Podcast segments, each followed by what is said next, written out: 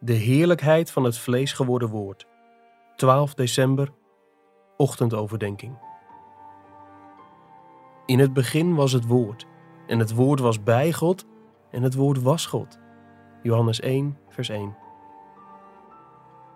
Er zijn altijd sectarische groepen geweest die zich verzetten tegen het mysterie dat ligt in de twee uitdrukkingen: het woord was bij God en het woord was God.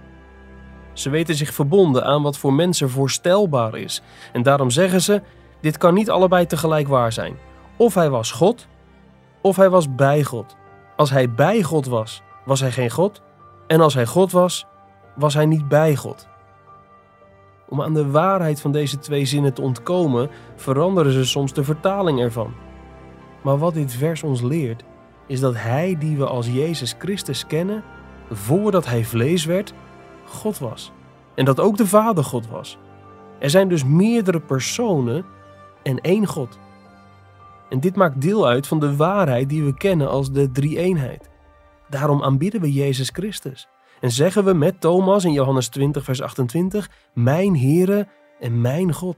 In Johannes 1, vers 1, in het begin was het Woord, en het Woord was bij God, en het Woord was God. Waarom werd hij het Woord genoemd? We kunnen op deze vraag bijvoorbeeld ingaan door na te denken over hoe hij anders had kunnen heten en waarom die naam in vergelijking met het woord ontoereikend zou zijn geweest. Hij had bijvoorbeeld ook de daad kunnen heten. Een van de verschillen tussen een daad en een woord is dat een daad niet zo eenduidig is. We vinden onze woorden soms al onduidelijk en voor meerderlei uitleg vatbaar. Dat geldt nog sterker voor onze daden. Daarom leggen we die zo vaak uit door middel van woorden. Woorden kunnen nu eenmaal duidelijker uitleggen wat de betekenis is van wat we doen dan de daden zelf. God heeft in de geschiedenis veel machtige daden verricht. En toch gaf hij een zekere voorrang aan het woord. Ik denk dat een van de redenen daarvoor is dat hij veel waarde hecht aan duidelijkheid en communicatie. Johannes had hem ook de gedachte kunnen noemen. In het begin was de gedachte. Maar een van de verschillen tussen een gedachte en een woord is dat we ons woord doorgaans voorstellen als iets wat voortkomt uit iemand die nadenkt om zo tot communicatie te komen. Ik denk dat Johannes wilde dat we ons de Zoon van God op twee manieren voorstellen. Hij bestaat omwille van de communicatie tussen Hem en de Vader, maar ook omwille van zijn verschijning in de geschiedenis als Gods communicatie met ons. Een derde voorbeeld is dat Johannes hem ook het gevoel had kunnen noemen. In het begin was het gevoel. Dan zeg ik opnieuw dat een gevoel niet een duidelijke opvatting, bedoeling of betekenis kan overdragen. Net als daden zijn ook gevoelens meerduidig. Ze hebben uitleg nodig. En daarvoor gebruik je woorden.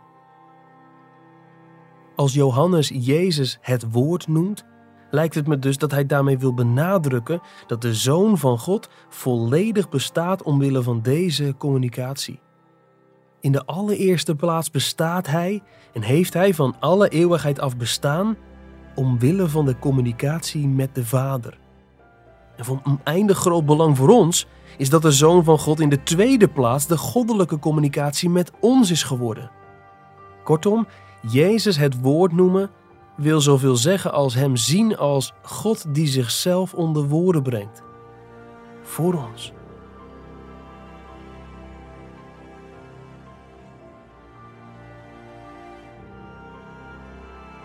Je luisterde naar een overdenking uit het boek Onwankelbare Vreugde van John Piper. Het boek bevat 50 ochtend- en avondoverdenkingen voor Advent om je te helpen Christus centraal te stellen.